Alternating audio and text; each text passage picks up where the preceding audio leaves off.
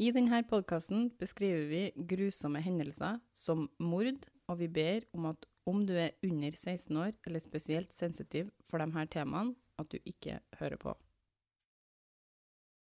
Hørte du, hørte du den setningen? Ja. Jeg hørte ikke det. Men jeg bare liten En liten skjev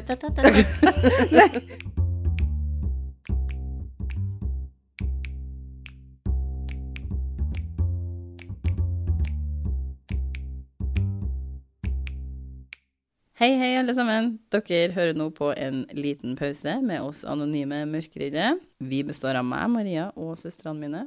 Ikke så anonym. Andrea? Martine. Så Martine, kanskje du har noen du har lyst til å gi en shout-out til den gangen her? Nå har jo ikke jeg så fryktelig mange kollegaer. Så en liten shout-out til Runa, en av lytterne våre. Liker Runa. Og hun jobber på Nille, så da gir vi en liten shout-out til resten av Nille òg. Hei, hei, Nille. Hei, hei. God morgen, Nille. Koselig at dere hører på. God onsdag. Håper dere er klar for en liten pause. Mm, det er vi. I dagens episode så skal jeg da fortelle dere om The Unicorn Killer. Oi! Saken ha- omhandler drapet på Holly Maddox. Saken foregår over ganske mange år, men starter på slutten av 70-tallet i Philadelphia, Pennsylvania i USA. Helen Maddox, som ble kalt bare Holly, var født 26. mai i 1947 i Tyler, Texas, USA. Hun vokste opp med en lillebror og tre lillesøstre. Hun var en meget god danser og kunstner, og hun var ei veldig intelligent jente. Det var ikke så mye å finne om Holly sin bakgrunn, men hun var en ungdom som mange så opp til. Hun starta på Bryn Mawr i 1965, som var et universitet, men syntes det var vanskelig å finne plassen sin i denne verden av eliten etter å ha vokst opp i en liten by i Texas, ifølge en artikkel av David Platz. Videre forklarer den artikkelen at da Holly var fascinert over motkulturen på 60-tallet, og utdanningsplanen hennes ble litt satt til side, og at det derfor tar ganske mange år å bli ferdig uteksaminert. Men når hun blir det i 1971, så har hun en bachelor i arts degree i engelsk. Men ikke så veldig stor plan videre etter det. Holly møter ifølge en Times-artikkel om saken en fyr som heter Ira Einhorn i 1972. Hun møter han på en bistro, La Terrasse, hvor Ira brukte å henge ut. Da var Holly 25 år, og de to blir fort veldig opptatt av hverandre. Ira var født eh, 15. mai i 1940, ifølge biografien på Murderpedia, og var en hippieguru og aktivist på 60- og 70-tallet. Så eh, han Ira han så da ut som det man tenker når man hører ordet hippie fra 70-tallet. Han hadde langt hår, langt skjegg, og veldig peace and love. Han var involvert i ganske mange ting på 70-tallet, deriblant den aller første Earth Dayen som ble arrangert i 1970, og som blir holdt hvert år den 22. april. Så, så den dagen vi fortsatt snakker om, liksom, som vi Mm. fortsatt bruker den dag i dag Ja, den aller første Earth Dayen ble arrangert i 1970, den 22. april. Og det er fortsatt den vi har hvert år. Han påstår sjøl at han var en av dem som organiserte og laga Earth Day. Men dem som er anerkjent for å ha stått for Earth Day-konseptet, har gått ut og sagt at det ikke er sant. Så hvem som snakker sant her, det vet ikke jeg. Han er derimot på scenen som Master of Ceremonies under den første Earth Day-eventen i Philadelphia her, da, som blir sendt på TV-en. Og mange av dem som fulgte ham, om jeg kan si det, da, som var litt sånn tilhengere av ham, for han var litt sånn gurufyr, kalte den Unicorn av etternavnet hans, som på tysk betyr ett horn. Altså enhjørning, da. Ira får ganske mange mektige venner. Politikere, kjendiser, veldig rike folk. Eh, og i artikkelen til Crime and Investigation så står det at en Ira var en ganske prominent aktivist mot Vietnamkrigen, og han ble referert til som Philadelphias head hippie.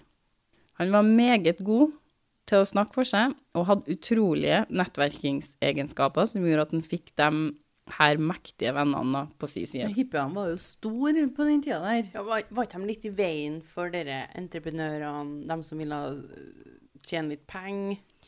Jeg skal ikke si at jeg kan så veldig mye om hippiekulturen, men, eh, men jeg føler at det var den her subkulturen de snakker om, sånn den her motkulturen mot men det var, også var det mye fest, mye hasj, mye love and peace, Ja, knulling Det var på en måte motkulturen mot den her Ja. mainstream Den, væremåten vår. den fine Wall Street Ja. Men han fikk veldig mye mektige venner. Og det var litt på grunn av hvordan han var, da. Han var veldig sånn karismatisk og, og god til å snakke for seg, og god til å snakke politikk og Ja. Så han, han hadde ganske mye veldig mektige venner. Uh, han kalte seg sjøl guru of love and peace, og han ble da beundra av ganske mange. Også, som jeg sa, mektige folk. Uh, det er sagt at det virka som han aldri hadde penger, men at han eller aldri trengte penger, for han betalte aldri for noe. Det var alltid noen som betalte regninger, eller delte ut penger til han, for å bare være han omtrent. Så det var mange som fiksa for han. Så litt luring. Mange eh, og var god jern i på ilden. å finne dem man bør snakke med. Mm. I Times-artikkelen er det en gammel bekjent av Ira som forklarer at Ira var ganske kalkulerende med damene han møtte, og at han hadde mer eller mindre en avhengighet til sex. Ira var en ganske fengende karakter, og damene likte å få oppmerksomhet fra han. Og når han var interessert i noen, så var det som om det var det eneste som eksisterte for han. Jeg må bare si, Er ikke her litt om det å være hippie, at de ble sett litt ned på i forhold til at de var litt friere, at de var litt mer åpne for å ha sex? Nei, det her var absolutt en, en um, vennligstilt fyr som forklarte den, da. Som var en venn av en, på en måte, som hang ut med en og var sammen med en. Litt Men- sånn typisk hippiegreier. Ja. Det var free sex all over the place, liksom. Det er altså, det, jeg sånn- føler ikke at det var en sexavhengighet, det var bare det å skape den friheten rundt det. Og han har et åpent forhold til det her konseptet med å være sammen med noen og det å ha sex med andre og litt sånne ting, da. Og det er jo ikke noe galt med det. Nei, absolutt ikke. Men det kommer også fram at han har eh, vært voldelig mot flere jenter. Og en artikkel fra Deepra Sakar forklarer at Ira var en engelsk instruktør på Temple University et år på 60-tallet, hvor han kunne diskutere LSD og cannabis med studentene uten at han så noe problem med det her, da. Men han fortsatte ikke i denne stillinga fordi uh, han ikke likte konseptet med utdanning noe godt. så det her det var litt for mainstream til han, tror jeg. Han er derimot innom læreryrket igjen på Harvard Institute of Politics i 1978. Det hørtes noe ut som, for meg i hvert fall, som om det var en veldig høy stilling. Ja, det var det Ja, absolutt det. Altså, jeg føler ikke at alle på Harvard har liksom De slipper ikke inn hvem som helst. Nei, det var, det var veldig bra, det. Og, og som sagt, han var en intelligent fyr. Han er jo innafor politikk, egentlig. Hippiene var jo for så vidt det. Han blir altså sammen med Holly i 1972, og de hadde mye av de samme meningene om samfunnet. Holly tar med seg hjem til Texas på et eh, tidspunkt for å møte familien hennes. Og i Times-artikkelen uttaler familien til Holly seg og forklarer at han oppførte seg som en, det de sier, en huleboer. For det første var han veldig uflidd, uh, ustelt. Og de brukte å si bordbønn før de begynte å spise, men han Ira her, han bare begynte å hive innpå mat mens de sa Grace, da. Og de sier videre at han var full av sånn poison ivy-utslett, og satt liksom bare og klødde rundt omkring på kroppen sin. eh, og oppførte seg som om Holly var hans personlige tjener, da. Det her er det familien til Holly uttaler seg om i forhold til det besøket her. Og familien mener at hele besøket egentlig bare var et forsøk på å skape en splittelse mellom Holly og familien hennes, da. Noe rus innblanda her, eller? Jeg tror ikke den var ukjent for rus. Ira og Holly flytter sammen ganske fort inn i Ira sin leilighet i Philadelphia. Det blir forklart i David Pletz sin artikkel at forholdet var åpent og uforplikta. Eh, mye i tråd med den livsstilen de begge to hadde. Og i Times-artikkelen, hvor en bekjent av Ira forteller om en Ira, så gjenforteller han en episode når de var på fest.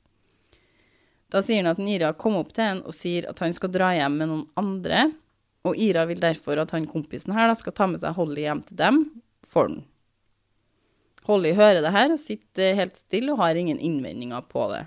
Og Holly og Ira hadde ganske mange krangler. Det er et litt av og på-forhold i ganske lang tid. Han, David Pletz sin artikkel beskriver også at flere av vennene deres var klar over at Ira fysisk mishandla Holly til tider. Holly og Ira sitt forhold varer i fem år før Holly har fått nok. Ifølge en artikkel på TV 2 skrevet av Ingrid Treborg, så er det i 1977 at Holly bestemmer seg for at hun har fått nok. Hun har forelska seg i noen andre og har lyst til å flytte til New York for å være sammen med den personen her istedenfor Ira. Ira liker jo ikke det her spesielt godt, for å si det mildt, og han gir Holly beskjed om at hun må enten komme og hente tingene sine fra leiligheten, eller så kommer han til å kaste alt ut på gata. Så Holly drar tilbake til Ira den 9. september i 1977 for å hente tingene sine i leiligheten de delte i Philadelphia, og hun blir aldri sett etter det. I artikkelen til David Pletz står det forklart at foreldrene og vennene til Holly blir veldig bekymra når de ikke har hørt fra på flere uker. Ira blir selvfølgelig avhørt av politiet, og han forklarer at Holly hadde dratt ut for å handle en dag og bare ikke kommet hjem. Hun hadde ringt den et par dager senere og forklart at hun hadde det bra, men at hun ikke ville Ira skulle prøve å finne henne. Videre forklarer Ira at uh, hun hadde sagt at hun skulle ringe han fortløpende, men han ikke hadde hørt noe mer fra etter det.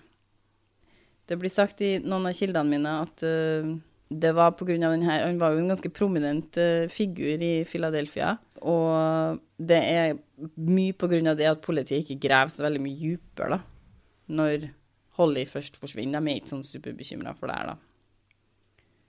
Uroen til foreldrene fortsetter når Holly ikke tar kontakt med dem, ikke engang når noen i familien har bursdag, noe hun alltid brukte å huske å gjøre. I artikkelen til Times så forklares det at foreldrene til Holly til slutt tar kontakt med en privatetterforsker, Bob Stevens, som brukte å jobbe i FBI, og han får hjelp av en annen privatetterforsker, og de jobber sammen for å finne ut hva som kunne ha skjedd med Holly. De finner ut at naboene til Ira hadde klaga inn både ei lukt og ei mørkebrun væske som rant ned fra Ira sin leilighet over dem. Altså som i liquid. Ja. De som bodde under, prøvde å vaske bort det her uten å få det til noe særlig, og fikk eh, huseieren til å få inn noen rørleggere for å sjekke ut det her. Eh, men det viste seg at Ira nekta å slippe dem inn i et skap han hadde en hengelås på, inn i leiligheten sin. Altså, jeg har ingen problem med å slippe dem inn. Litt sånn uh, Kommer an på hvilken artikkel jeg leste. Noen sa bare at han ikke slapp dem inn, mens andre sa at uh, han slapp dem inn i leiligheten, men de fikk ikke inn i det skapet som han hadde sånn hengelås på. da. Når private etterforskerne har jobba med denne saken her i lang tid, så leverer de det de har funnet ut til politiet den 28. mars i 1979. Altså ett og et halvt år etter Holly forsvinner. Ett og et halvt år? Politiet har endelig nok til å få til en ransakelse av leiligheten til en Ira, og tar seg inn i den. De går rett for skapet med hengelås på, og i dokumentaren 6 ABC om saken forklarer Chitwood, han som har ransakelsen uh, av leilighetene, at han finner mange av Holly sine eiendeler i det skapet her når han får brutt det opp. Han finner legitimasjonen hennes, han finner bankkortet hennes, håndveska hennes, alle sånne ting som man bruker å ta med seg hvis man tenker at man skal bare stikke noen plass, da. Han finner også en stor sånn her uh, trunk, sånn kisteaktig koffert, hvis dere skjønner hva jeg mener. Mm. Og inni den finner de det nærmest mumifiserte liket av Holly Maddox. Okay. Ira står ved siden av og er ganske upåvirka. Og han eh, Titwood, som finner eh, Holly, snur seg til Ira og sier Looks like we found Holly. Og Ira svarer da You found whatever you found. Det er liksom hans bare You found whatever you found. Du har funnet det du har Ja, funnet. mm. så de har jo funnet det de leter etter, i hvert fall. Det er sikkert og visst. En rettsmedisinsk rapport fastslår at Holly har blitt banka til hun dødd. Oi! Og Ira blir fort arrestert for drapet og sikta for drap, first degree murder. Men Ira hadde mektige venner, og ikke at jeg skal si at det er Men han kan ikke være så forbanna altså, Hvor mektig kan du være? Altså, du kan jo ikke gjøre noe for at han her ikke skal ende opp med noe annet enn mordet hennes. Han jo- de har jo funnet innlåst i leiligheten hans. Hvor mektig er det? Det er ingen av vennene her som tror at han Ira The Guru of Peace and Love har hatt noe med det drapet her å gjøre. Så han har veldig mange mektige venner, og ikke, jeg sier ikke at det er derfor det her skjer, men det som, det som skjer, er at han får kausjonen sin satt til bare 40 000 dollar, som er ganske lavt. Advokaten hans, Alan Spencer, som var en privat advokat, får en del prominente figurer i omgangskretsen til en Ira til å være karaktervitner for han. Og de sier han har ingenting med det her å gjøre. Liksom. Han, det er helt umulig at han kunne ha gjort det her, da. Det kan jo ikke ha noe å si. De har jo funnet hjem til han. Um, I USA er det jo da uvanlig å få kausjon i first degree murder-saker, da, og 40 000 dollar er ganske lavt i tillegg. Um, etter at vi diskuterte dette her nå, vi jentene, så har vi jo funnet ut at det er en bestemmelse i Norge som sier at du kan løslates mot kausjon i strafferettssaker, men det er ikke brukt i Norge. Nei. Det går an å bruke det, men det er ikke brukt. Det er liksom det er ikke noe vi holder på noe mye med. Og i alle fall ikke i gro, så grove saker. Nei, og så er det i, i, I USA så har de ikke mulighet til å oppbevare alle i påvente av sakene sine. Derfor kan de løslates mot kausjon, mens i Norge har vi mulighet til å oppbevare dem da, i varetektsfengsling. Det blir sagt i dokumentaren til 6 ABC at ikke engang OJ Simpson fikk kausjonsmulighet når han ble sikta. da. Ikke engang han. Jeg synes nå han Den var ganske grov, den saken hans òg. Ja, men hvor mye støtte hadde ikke OJ Simpson? hadde? Og ikke engang han fikk kausjon når han ble drapssikta. Men han ble drapssikta etter dette, da. Så Ja. kan jo at de fiksa litt. Ja, det er sant. Så for å liksom vise til hvor sykt det egentlig var å få kausjon i en drapssak sånn som dette her, da, så drar de jo fram OJ Simpson som et eksempel i den dokumentaren her. Men 40 000 er jo òg ganske lavt. for når du skal løslate mot uh, kausjon, så trenger du bare å betale 10% av beløpet. Så du trenger bare å betale 4000 av 40, sant?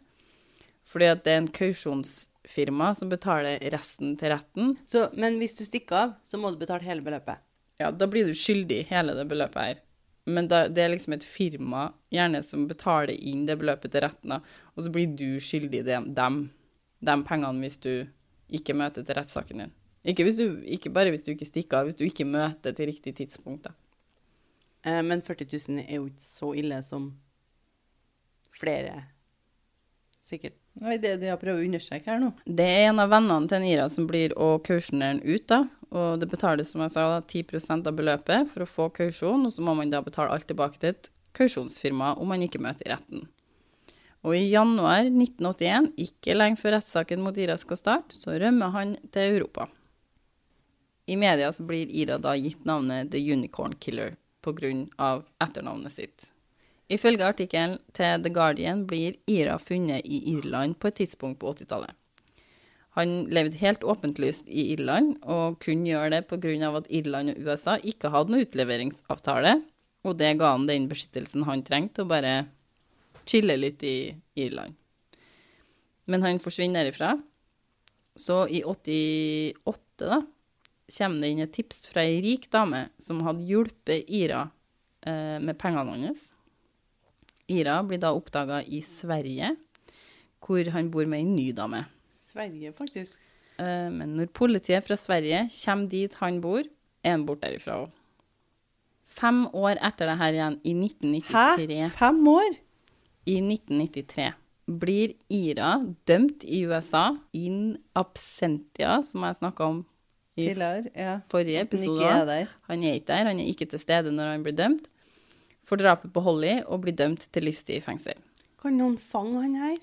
Det er ikke en veldig vanlig ting å gjøre. Nei. Det er en, det er en eh, veldig uvanlig ting å gjøre. Og um, nå når jeg snakka om det i forrige episode, så var det jo i England, og der vet ikke jeg hvor vanlig det er å gjøre det, men i USA er det ikke vanlig å gjøre det. Men nå må de jo føle dem litt sånn Hva skal de kalle dem? De eh, litt sånn rike vennene hans og litt sånn mektige vennene hans må jo nå skjønne at han stakk jo med en gang. du, når han stakk, så var det veldig mange som følte seg rimelig lurt. Ja. De følte seg ganske dum og følte at de hadde blitt um, rundlurt av en fyr som de trodde veldig godt om, da. Ja. Eh, Men når han ikke er ved rettssak, at, at de kan komme tilbake og si senere at uh, vi anker pga. at han ikke var der, eller at vi anker når eh, At Som de- sagt, veldig uvanlig ting å gjøre, men jeg tror det handler mest om at uh, du har fått en rettssak, du hadde muligheten til å møte opp, du valgte sjøl å ikke gjøre det. Mm. Til slutt så tok de valget å gå, kjøre på med en rettssak uten deg, uh, og du ble dømt for Du Men ta opp, indisia, hva har du kalt det? in absentia. Okay. Uh, Det tar tre nye år etter det her igjen før etterforskerne får inn et nytt tips. Så tre år etter den ble dømt, så i 1996. Hun nye dama han Ira hadde bodd med i Sverige, hadde blitt oppdaga i Frankrike, hvor hun hadde søkt om kjøretillatelse under navnet Mrs. Eugene Mallon. Og en artikkel på Unsolved Mysteries forklarer at de klarer å spore hun her til hvor hun bor i Frankrike, og der finner de også Ira. De overvåker ham i over en måned før de arresterer han den 13. juni i 1997, 16 år etter han rømte, og 20 år etter Holly forsvinner. Å, shit. Det tok lang tid før han må ta straffa si.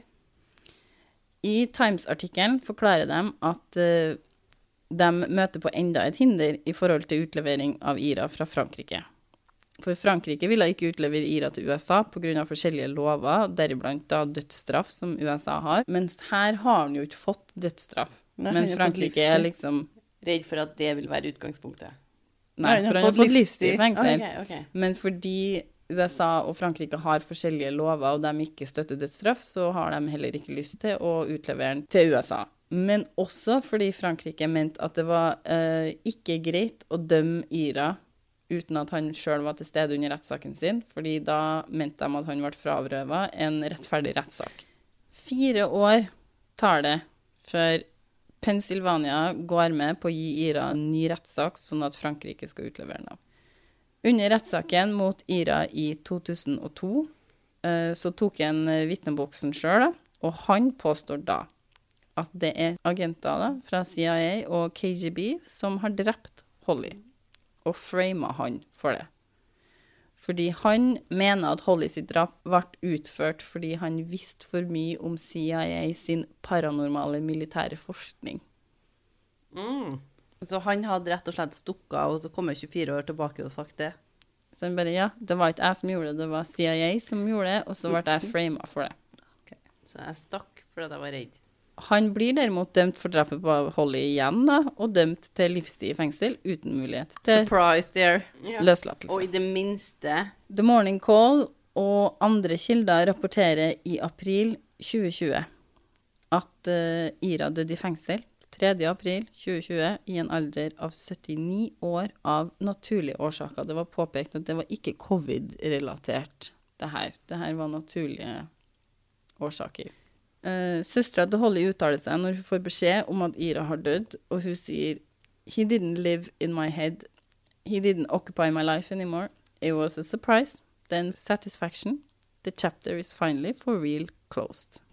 Det var alt vi hadde for denne gangen. Oppfordrer alle til å slå av alle lys og ha Earth Day den 22. april. Følg oss gjerne på Instagram. En liten pause. Om du har tips til sak eller har lyst til å dele en historie med oss som eh, du sjøl har opplevd, eh, og du vil vi skal ta for oss i de bitte små bonusepisodene våre, så send oss gjerne en mail på En liten pause podkast krøllalfa gmail.com. Takk for at du lytta på. Vi høres. Ha det! Ha det.